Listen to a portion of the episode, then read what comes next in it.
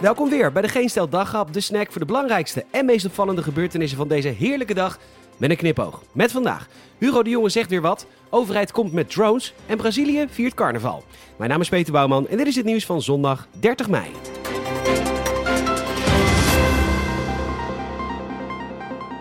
Hugo de Jong is weer eens aangeschoven bij een talkshow met een heel hoopvol bericht. En het is waar, er wordt nu volop geprikt. Maar waarom weer deze hoopvolle woorden? Voor iemand die uit de regio geen woorden maar daden komt, horen we toch voornamelijk heel veel woorden. De hoop is nu dat voor september alle volwassenen twee prikken kunnen krijgen en dat dan ook de mondkapjes en anderhalve meter afstand gedag kan worden gezegd.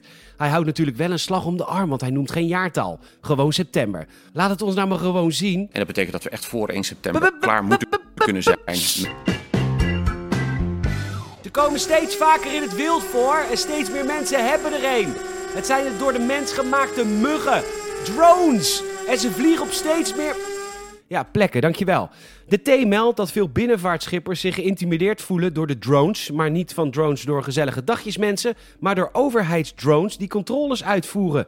De nieuwe bestuurscultuur en de menselijke maat optima forma. Met drones kun je lekker gluren zonder dat daar veel mensen aan te pas komen.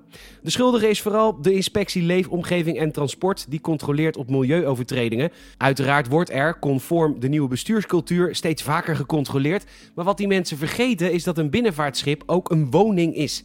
In de krant laat Ernst Koeman van de inspectiedienst weten dat ze de privacyregels kennen. Zo vliegen ze naast de schepen en niet erboven. Wacht, als er een drone boven mijn huis vliegt, is het niet zo erg. Maar als deze gelangzij mijn ramen komt en met een camera naar binnen tuurt, dan is het juist extra erg. Ja, conform de nieuwe bestuurscultuur hebben ze daar natuurlijk scheid aan. In Brazilië zijn ze het helemaal zat. Daar is de president namelijk Bolsonaro en die gelooft niet echt in corona. Volgens RT smachten mensen naar een beter vaccinatieprogramma en dus zijn er protesten op gang gekomen tegen de president. Natuurlijk op anderhalf... Ja, wacht nou! Hou, hou het even een beetje... Brazilië! Doe nou... Nou, hey. nou. Zo te zien wordt ook carnaval van vorig jaar ingehaald. De horeca mag vanaf 5 juni weer wat verder open, ook binnen. Alleen, zo meldt Omroep Gelderland, nu is er een enorm personeelstekort. Zo erg zelfs dat sommige zaken verwachten dat ze niet volledig open kunnen vanwege te weinig handjes in de zaak. Er was voor de crisis al te weinig personeel. Er zijn tijdens de crisis nieuwe zaken geopend. En veel mensen hebben ergens anders een baan gevonden, bijvoorbeeld bij de GGD. Deze podcast-host werkte voor de crisis ook twee avonden in de week in de horeca. Gewoon omdat het mega leuk is om te doen. Kom er alsjeblieft bij, want ik heb geen zin om straks voor drie te gaan werken.